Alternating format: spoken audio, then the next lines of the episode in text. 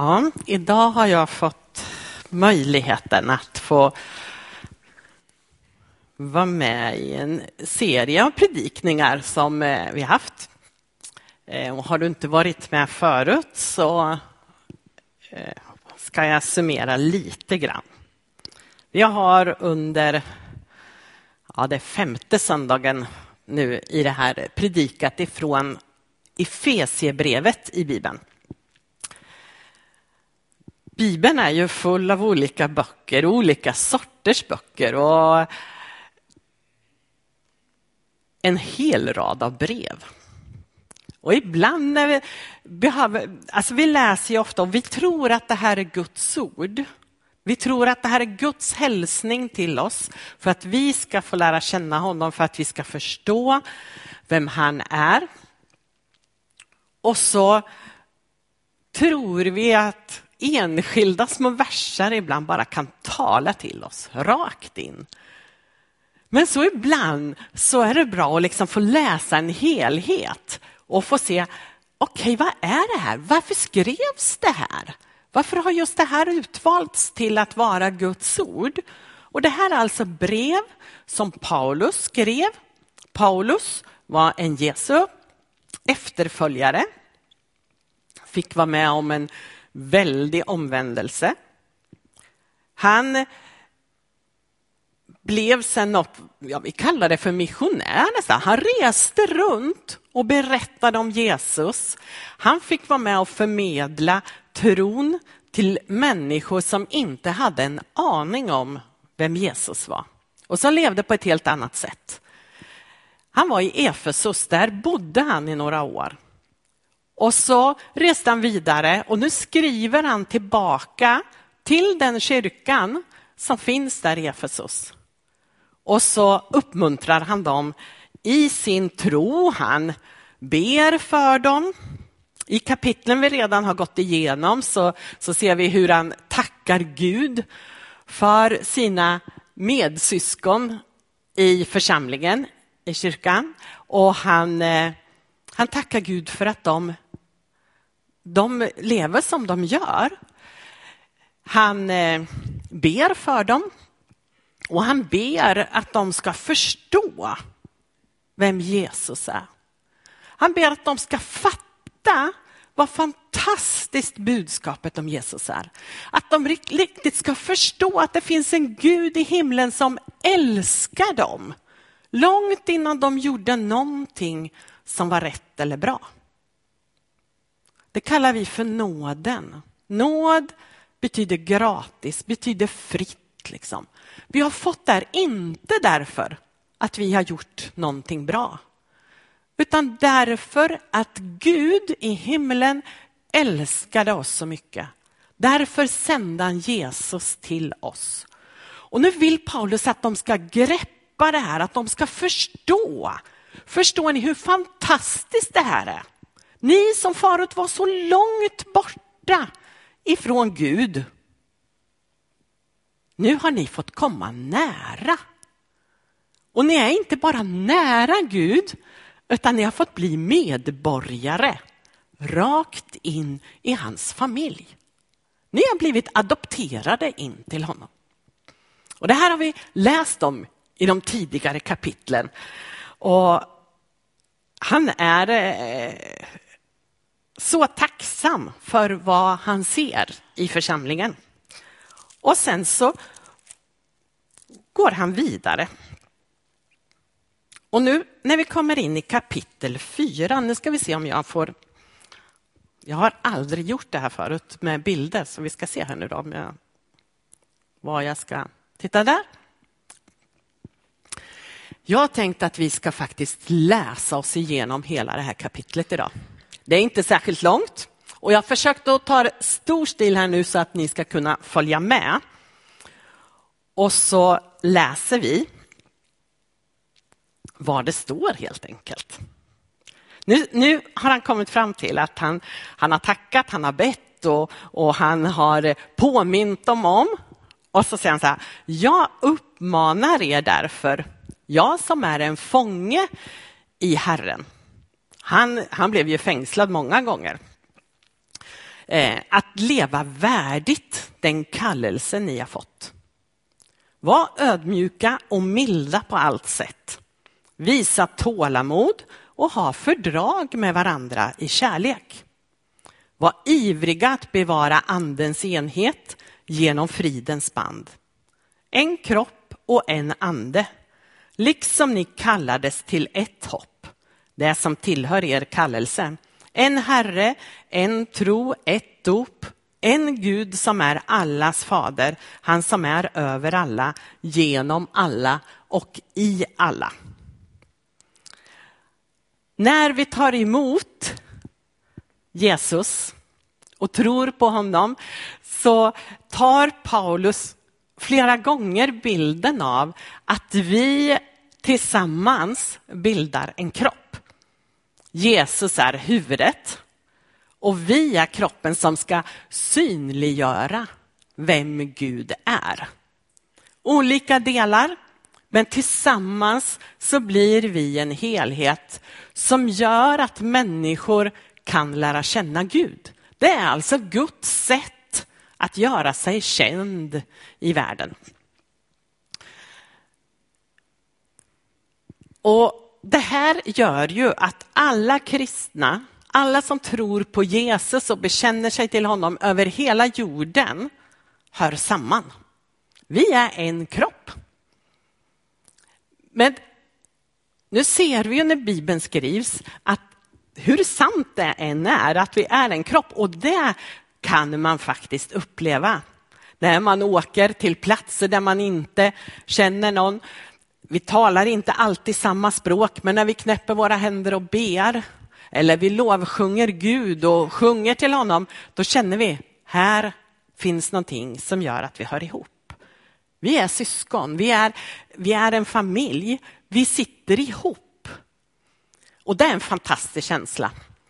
Men när Bibeln beskriver den här enheten beskriver den också att vi behöver träna på det här. Att vi behöver liksom vara nära varandra. Det är ju inte så svårt att inte bli osams med någon som bor på andra sidan jordklotet. Men däremot de som lever nära mig, som jag ska brottas med i vardagen, som jag ska dela vardagen med, där kan det bli lite mer så här, ja, lite lättare att, att liksom inte alltid tycka samma sak. Och därför när jag läser det här kapitlet så ser jag att här, här pekar Paulus på en församling, på en plats. För vi som församling bildar också en kropp. Och Man kan också säga att vi är olika kyrkor är olika delar i samma kropp. Men jag tror också att vi måste se att när det talas om enhet så är det inte bara att vi i olika kristna sammanhang ska vara eniga, utan det är faktiskt församlingen. För jag tänker att vi som församling här hos oss, vi har bestämt, här är vi med, här, här, här har vi vår vardag. Liksom. Vi är en kropp. Och nu ska vi fungera tillsammans. Nu ska vi synliggöra Gud i den uppgift som har blivit vår. Hur gör vi då?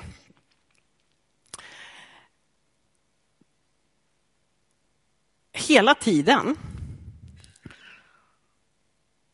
så backar det här tillbaka till vad Jesus har gjort. Och det ser vi faktiskt i nästa stycke när vi läser vidare här nu. Vi ser, det är Gud som är vår far. Vi hör ihop. Och då står det, men åt var och en av oss gavs nåden allt efter den gåva som Kristus mätte ut. Därför heter det, han steg upp i höjden, han tog fångar och han gav människorna gåvor. Detta ord, han steg upp, vad betyder det om inte att han också stigit ner till jorden? Det ordet jorden kan också översättas med under jorden, alltså ner till dödsriket. Han som steg ner är också den som steg upp över alla himlar för att uppfylla allt. Det här stycket är som att han skjuter in en liten påminnelse igen i det här sammanhanget. Och så kommer ni ihåg nu då vad det var Jesus gjorde. Ja, det, det är liksom där det grundar sig. Vi hänger upp allting på att Jesus kom hit. Han som var Gud kom hit ner till jorden, levde här, gav sitt liv för oss. Och då klev han ända ner i underjorden. Han klev ner i dödsriket. Och där tog han med sig ett helt triumftåg. Det ordet som står fångar här, han tog fångar, kan också översättas med ett helt triumftåg, ett segerbyte. Han gick ner dit och besegrade döden. Han gick ner i dödsriket och tog makten ifrån djävulen. Och så kliver han rakt upp i himlen till Gud. Och där har han all makt. Och en dag så kommer också hans makt visa sig här på jorden. Och under tiden vi väntar på att Guds rike ska komma helt och fullt så ger han gåvor in i vår församling för att vi ska kunna synliggöra Guds stora seger och Guds stora kärlek. Så vi går vidare och ser vad var det då han gav för gåvor.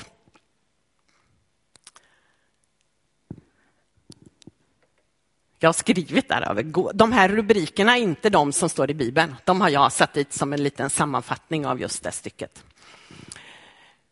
Han gav några till apostlar, andra till profeter, andra till evangelister och andra till herdar och lärare.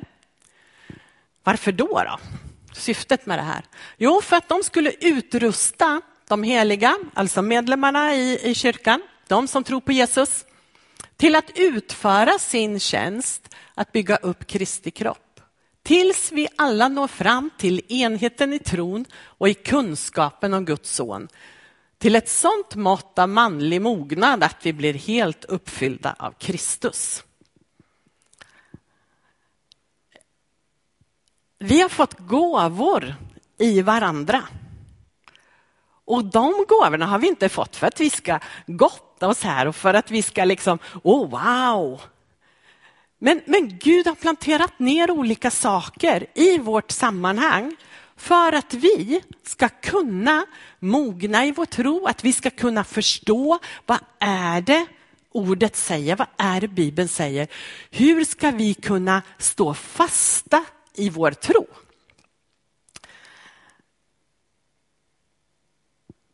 Hur ska vi kunna mogna så att vi inte liksom, ska det vara så där eller ska det vara så där eller hur? Då blir vi oroliga. Men varefter vi lär oss, varefter vi, vi blir fasta i vår tro, så kan vi stå, liksom stå stadigt mitt i stormar, mitt i saker som händer, så står vi där och vi kan peka på Jesus och säga, han har gjort allt klart. Vi kan vara trygga, vi kan vara lugna. Han kommer vara med oss. Precis som vi sjöng förut, att han är där i stormen bredvid oss. Han, han, han, eh, I elden bredvid oss sjöng vi. Nu blandar jag ihop fraserna. Ja. Han, han finns där mitt igenom det vi är med om. Där är han, där bär han. När den ena vacklar så står den andra stadigt och så håller vi tag i varandra och så hjälper hjälper vi varandra. Det här förklaras vidare, om vi läser vidare nu. Jag går nog... Vi ska då inte längre vara barn som kastas hit och dit av vågorna och som förs bort av varje vindkast i läran när människorna bedriver sitt falska spel och i sin list förleder till villfarelse.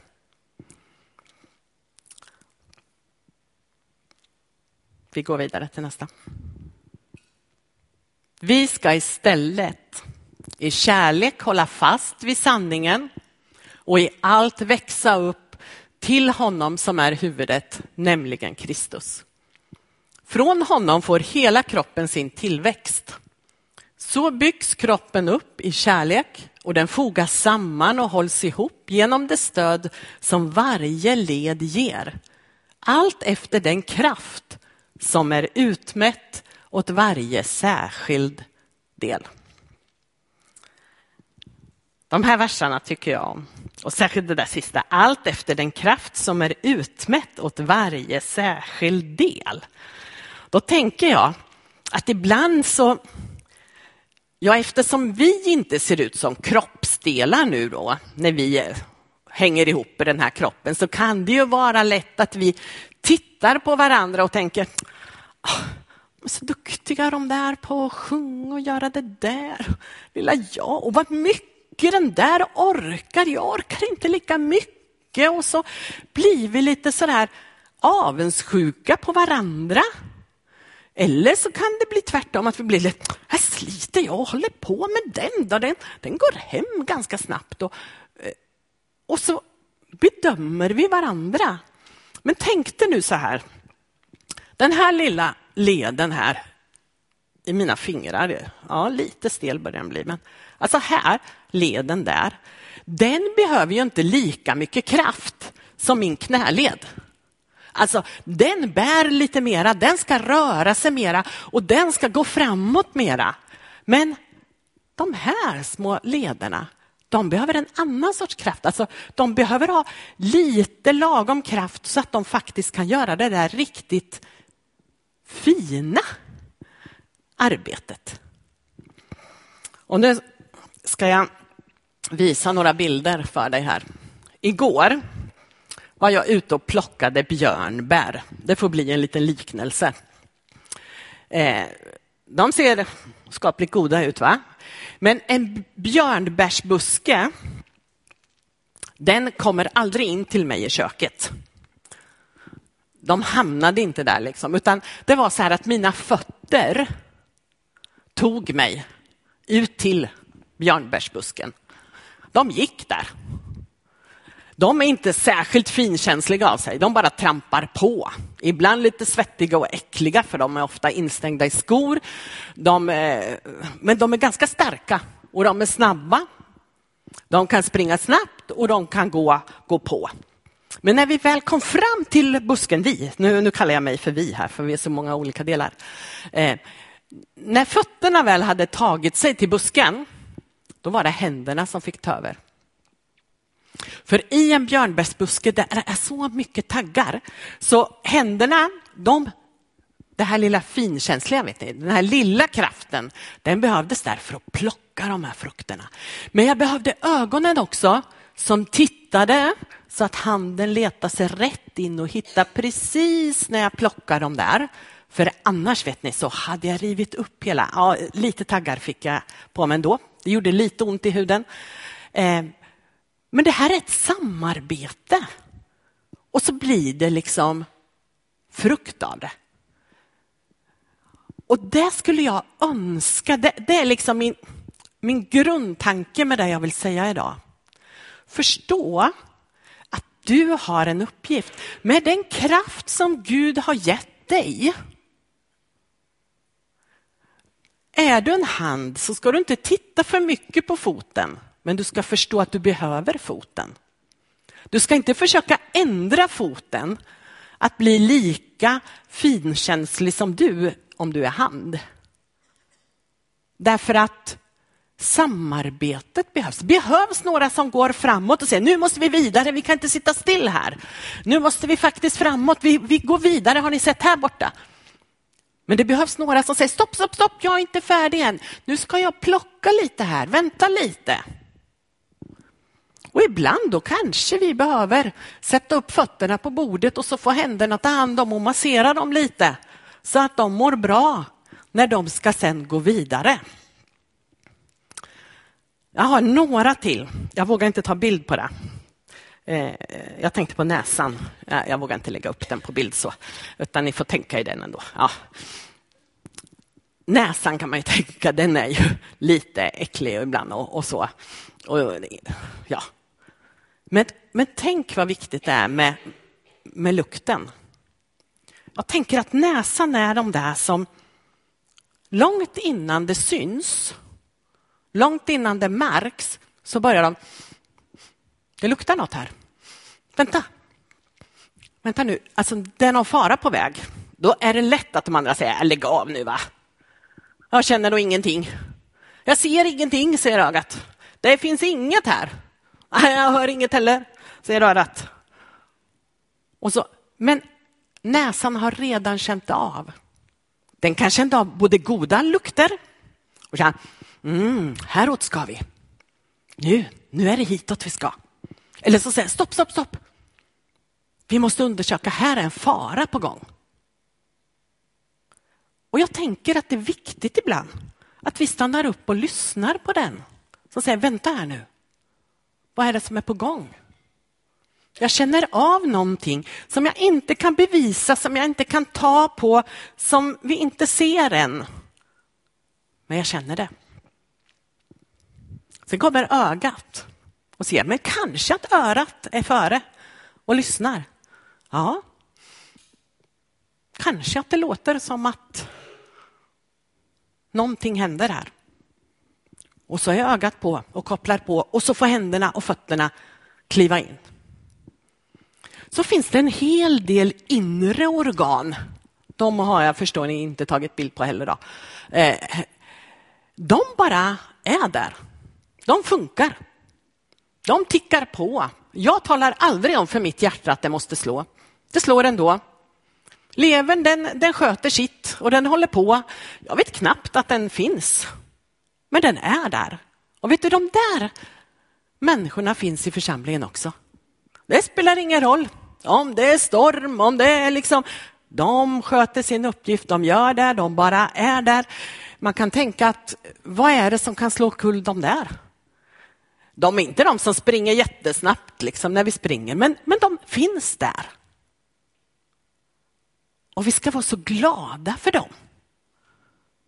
För utan det fungerar inget av övriga kroppen, av det här som syns, av det som märks. Finns de där som bara är hemma och ber, vet du? Som bär hela församlingen med sina böner. Vad skulle vi göra utan dem? Tillsammans blir vi en helhet. Och jag tror att vi behöver börja uppskatta varandra för våra olikheter ännu mer. Att se varandra för dem vi är. Att Gud har gett oss en mått av kraft. Gud har gett oss en mått av, av färdigheter. Det går inte att vi blir lika allihopa, för då kraschar vi.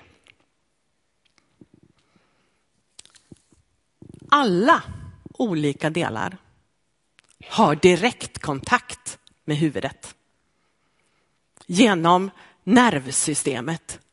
det går nervsignaler ner till levern som talar om att jobba på du bara. Det är lugnt, vi kör vidare ett tag till. Det, går liksom, det är de här kopplingarna som bara kopplar ihop. Det är den heliga ande. Alltså, vi behöver inte, foten behöver inte säga till armen, hallå armen, släpp fram mig nu. Nej, varje del har direktkontakt upp till Gud.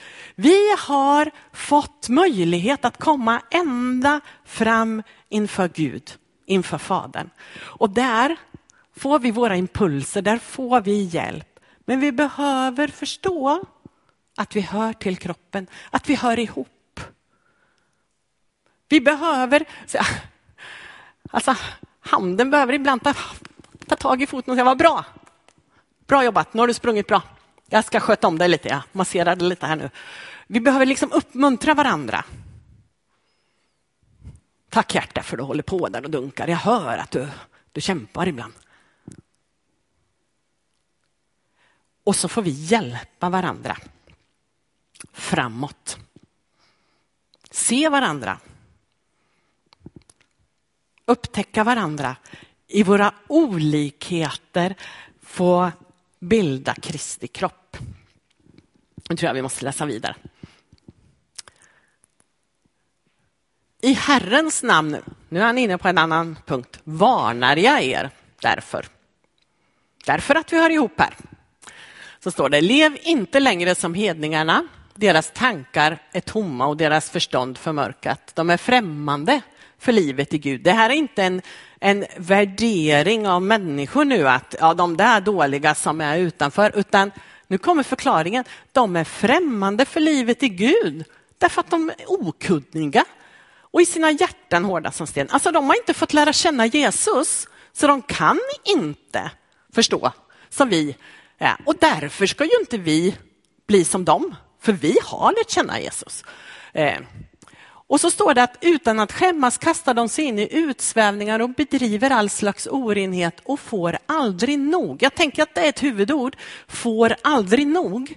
För när vi försöker att bli tillfredsställda genom det världens sätt att tänka och det, alltså inte det Gud har tänkt, utan tänker jag måste ha det också, jag måste ha det. Och jag funderar på, i Efesos var det så här, att där levde människorna verkligen i sexuella orger. Man fick göra precis vad man ville enligt den tron man hade där. Det var tempelprostitution, man utnyttjade varandra, man hade slavar. Man, man levde efter sina egna drifter, helt enkelt. Det jag känner för, det gör jag. Nej, idag känner jag inte för att bry mig om den där. Jag och så gjorde man det. Och det här går Paulus emot. Och då tänkte jag så här, vad är det vi kan frestas att leva som idag? Är det att vi vill ha allt materiellt? Att vi ska göra det och vi ska göra det? Och... Ja, vad, vad är det vi frestas att tänka på ett sätt som om vi inte hade Gud? Eller är det att oroa sig för allt som ska hända och komma och ha koll på det. För det vill ingen ha idag. Men det som är gemensamt för när vi följer ett annat sätt att leva är att vi aldrig får nog. Vi blir aldrig mättade av det. Men hur kan vi då få ikläda oss det här nya istället? Då står det, ni däremot har verkligen lärt känna Kristus sådan han är. Ni har fått höra honom förkunnas och blivit undervisade i honom enligt den sanning som finns hos Jesus. Ni har lämnat ert förra liv och lagt av den gamla människan som går under, bedragen av sina begär. Och ni förnyas nu till ande och sinne. Ni har iklätt er den nya människan som är skapad till likhet med Gud i sann rättfärdighet och helighet.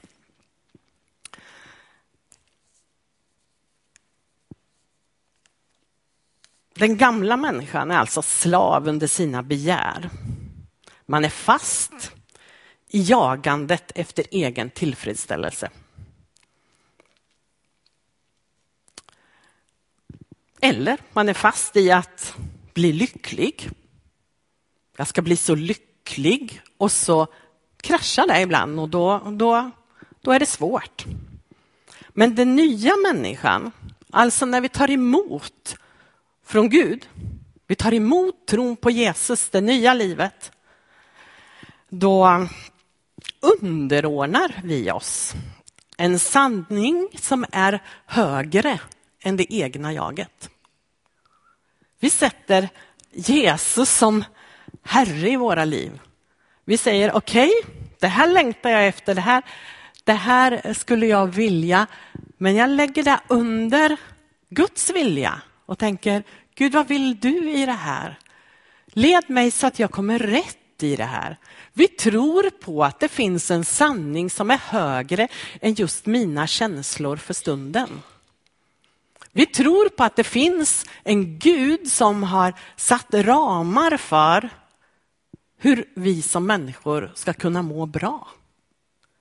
Och i det underordnar vi oss. Inte att vi blir några robotar, att vi blir, men vi, vi tillåter honom att få bli den som, som blir riktlinjen i våra liv. Och han visar alltså på en ny väg som är kärlek och respekt för varje individ. Det här var något nytt i Efesos kan jag säga. Att varje människa är i sig en avbild av Gud skaparen. Därför kan inte jag behandla en enskild individ hur som helst. Utan jag har fått Guds hjärta för varje människa. Jag har fått respekten för livet i varje människa med mig. Och det gör att jag måste tänka efter hur jag behandlar min nästa. Det här var inget bekvämt budskap i Efesos. Där man var van vid att tänka att bara jag känner för det så gör jag så. Och det är inget bekvämt för oss heller. Men vi är ganska präglade i vårt samhälle av den kristna tron. Så det är ju inte så att alla människor som inte tror på Jesus tänker bara på sig själva. Vi ser fantastiska exempel på människor som inte har lärt känna Jesus, men som lever ett sånt liv som jag ibland skulle önska att jag, jag kunde göra. I generositet, i utgivande för andra.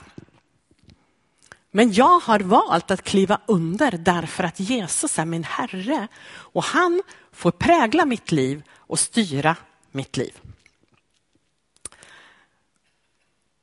Ja, jag tror vi läser lite vidare.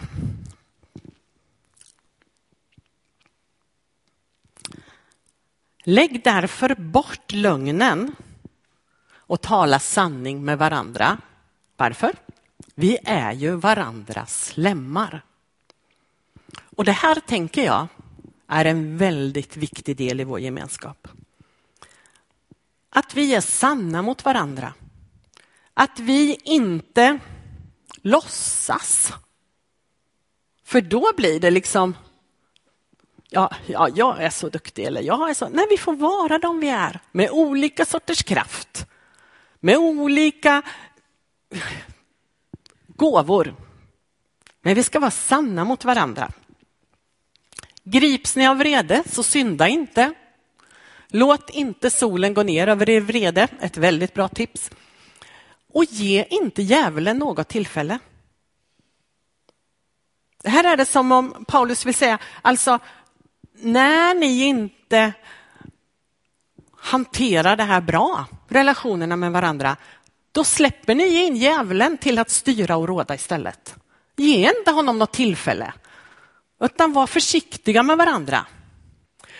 Och sen tycker jag den här versen är spännande. Tjuven ska sluta stjäla och istället arbeta och uträtta något nyttigt. Där tror jag vi är med. Med sina händer. Mm. Men sen då? Så att han har något att dela med sig åt, åt den som behöver. Jag tänker den biten glömmer vi ibland i vårt samhälle. Jag ska tjäna pengar för jag vill göra en resa till. Jag ska tjäna pengar för mitt hus behöver byggas om och jag, jag behöver nya kläder så jag behöver tjäna pengar. Jag, jag, vill, jag vill stiga i karriären. Nej, det är inte vårt motiv. Vet ni, vårt motiv är, jag behöver tjäna mer pengar så att jag skulle kunna dela med mig. Jag har sett att grannen där borta skulle behöva. Tänk om vi börjar tänka så.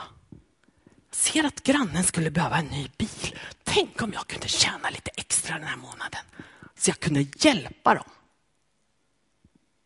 Där är inte jag. Men eh, jag tror att vi får börja växa upp till likheten med Jesus i det här. Visst är det spännande? Tänk. Jag tjänar pengar för att jag ska kunna dela med mig. Det, det ställer ju jättemycket på sin spets.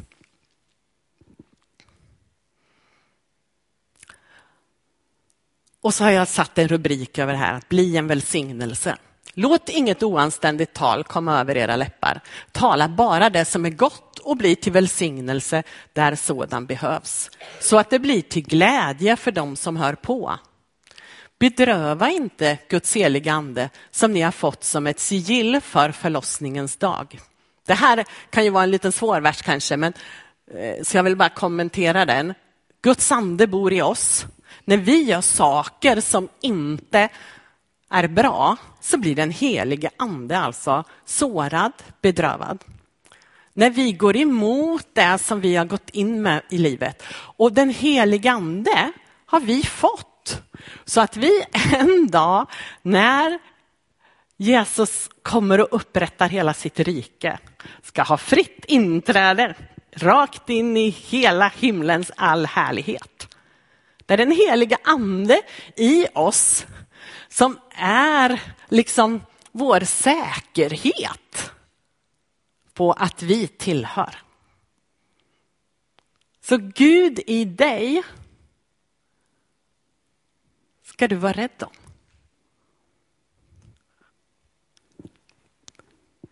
Så det är därför som vi behöver tänka till ibland. Inte för att vi ska bli präktiga, inte för att vi ska kunna visa upp oss, utan därför att det finns en Gud i oss behöver få plats i vårt liv.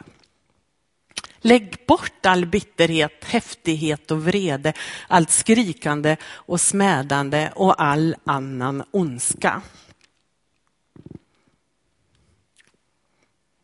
Var istället goda och barmhärtiga mot varandra och förlåt varandra, liksom Gud i Kristus har förlåtit er. Och där har vi läst hela kapitlet. Frukten i våra liv är att vi ska vara till välsignelse för andra. Vi ska förlåta varandra därför att Jesus först har förlåtit oss. Tror att det här ibland är saker som, som är svårt för oss. Men jag tror att förlåtelsen är en väldigt viktig del i vår gemenskap. Och i våra egna liv. När vi bär på sånt som vi säger, ja, det hänger där som en tagg. Och du känner att när du tänker på det så är det någonting som reser sig upp i det. Tänker, så kan du få komma till Gud med det. Och han säger, jag har förlåtit dig och du får förlåta. Att förlåta är inte att godkänna det den andra gjort. Vet du att när Gud förlät oss så var det inte för att vi var så bra. För att vi hade gjort allt rätt. Han förlät oss därför att han älskade oss. Han förlät oss därför att han såg att vi reder inte ut det här. Så han betalade priset för all synd och skam. Därför fick vi förlåtelse. Så att vi ska kunna förlåta. Vi godkänner inte allt. Vi tycker inte allt är bra som vi förlåter. Men vi släpper människan fri som har gjort det här. Och så säger vi, Gud, du får ta hand om det här. Jag lämnar dig i dina händer. Och vill du släppa den människan fri så, så är inte det min sak. Jag lämnar dig i dina händer. Det är förlåtelse. Att lämna över straffet, domen till Gud. Och jag tänker att det är en väldig trygghet. Ibland möter man väldigt svåra saker i själavård, i kontakt med människor. Där människor är så djupt sårade och då är det så skönt att säga att vet du att en dag kommer Gud att döma rättvist. Om jag ska döma just nu så är risken kanske att jag ger ett för lindrigt straff eller att jag ger ett för hårt straff eller att jag tänker in alla mina känslor. Och... Men när Gud gör det så gör han det utifrån ett helt annat perspektiv. Han kommer ha en domens dag en dag. När vi får kliva fram inför honom. Har jag då tagit emot förlåtelsen ifrån honom så kan jag gå fri. Men han kommer ha den här uppgörelsen med alla människor. Därför behöver inte jag bekymra mig om den. Utan jag kan få bli fri ifrån det som har sårat mig genom att säga Gud, du får ta hand om det här. Jag lämnar det här bakom mig och går tillsammans i din förlåtelse. Det finns mer att säga om det, men, men jag stannar vid det. Och jag hoppas att du på något vis ska få, få komma vidare om du går och bär på de här taggarna. Sök gärna upp någon och tala med någon själavårdare eller någonting så att du kan få bli fri från det som håller dig tillbaka i det. Vi mäter oss hela tiden mot Kristus Jesus. Förlåt varandra liksom Gud i Kristus har förlåtit er. Eh, gör gott. Se, vi har Jesus som exempel hela tiden. Jag tror, när vi läser det här så ser vi att vi får bli mer och mer lika Jesus. Jag tänkte, hur, hur, hur ska jag greppa det här? Då tänkte jag mig en burk med målarfärg. Tänk att du har en burk med vit färg. Och så vill du ha lite nyans på det där. Och så droppar du i en liten droppe och du ser, oh, det där blir riktigt rött nu. Och så börjar du röra om. Och så säger du, ja, fast nu är det lite nyans rödare men inte mycket vart det inte. Och så fyller du på lite till och så rör du om och så ser du sakta, sakta förändras den här färgen från att ha varit en färg till att bli en annan. Och det tänker jag är vårt livs process. Jag är den. Varje gång jag tar emot ifrån Gud och säger Gud kom, fyll mig du. Jag behöver mer av dig. Så, få, så blandas det upp i mitt liv med den jag är och med allting. Och så formas jag till likhet med Jesus. Så nyanserna blir tydligare och tydligare i att Jesus bor i mig, att han finns där i vår gemenskap. Ju mer vi blandar in Jesus i vår gemenskap, ju mer tydlig kommer nyansen bli av honom i våra liv. Vi får överlåta oss till processen av avklädande, av det som inte hör hemma i våra liv och ett påklädande i kärlek till varandra. Börja tacka Gud för dina syskon i tron. Då kommer också den kärleken att sträcka sig ut till människor runt omkring. Du kommer känna det här är en gemenskap jag vill bjuda med flera i. Jag vill ha mer med i den här gemenskapen. Oj, ursäkta. Lev i förlåtelsen. Lev i beroendet av Jesus. Lev med Jesus som din mät, eh, ja vad ska jag säga, ja, jämförelse. Sträva efter att bli lik honom, men se varandra, uppmuntra varandra. Vi ska be tillsammans. Och jag skulle vilja inbjuda dig till förbön som vill, vill ha förbön.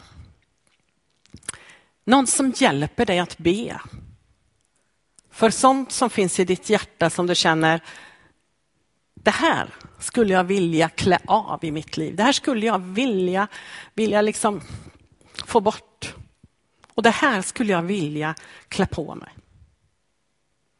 Du är också välkommen att, om du vill dela ett bönämne du har med någon som ber tillsammans med dig. Eh, så kommer det att finnas. Här framme på den bänken så kan man komma och få förbön.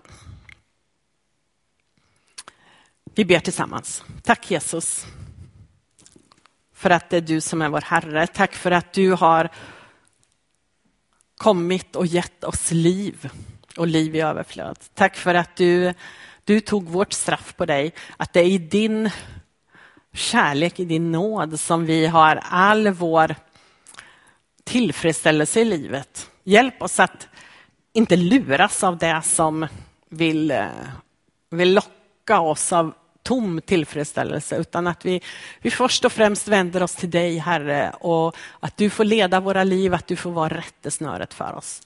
Hjälp oss att se varandra och förstå hur viktigt det är att vi tillsammans får visa en värld som inte har lärt känna dig vem du är. Kom du och rör vid oss idag Jesus. Och jag ber också särskilt för den som, som bär en tagg av oförlåtelse i sitt liv. Jag ber att du idag ska få hjälpa att släppa taget och överlåta det straffet till dig. Tack för att du vill komma och hela och läka och upprätta Jesus. Du är vår Herre, du är vår kung. Tack för att vi får tro på dig. Amen.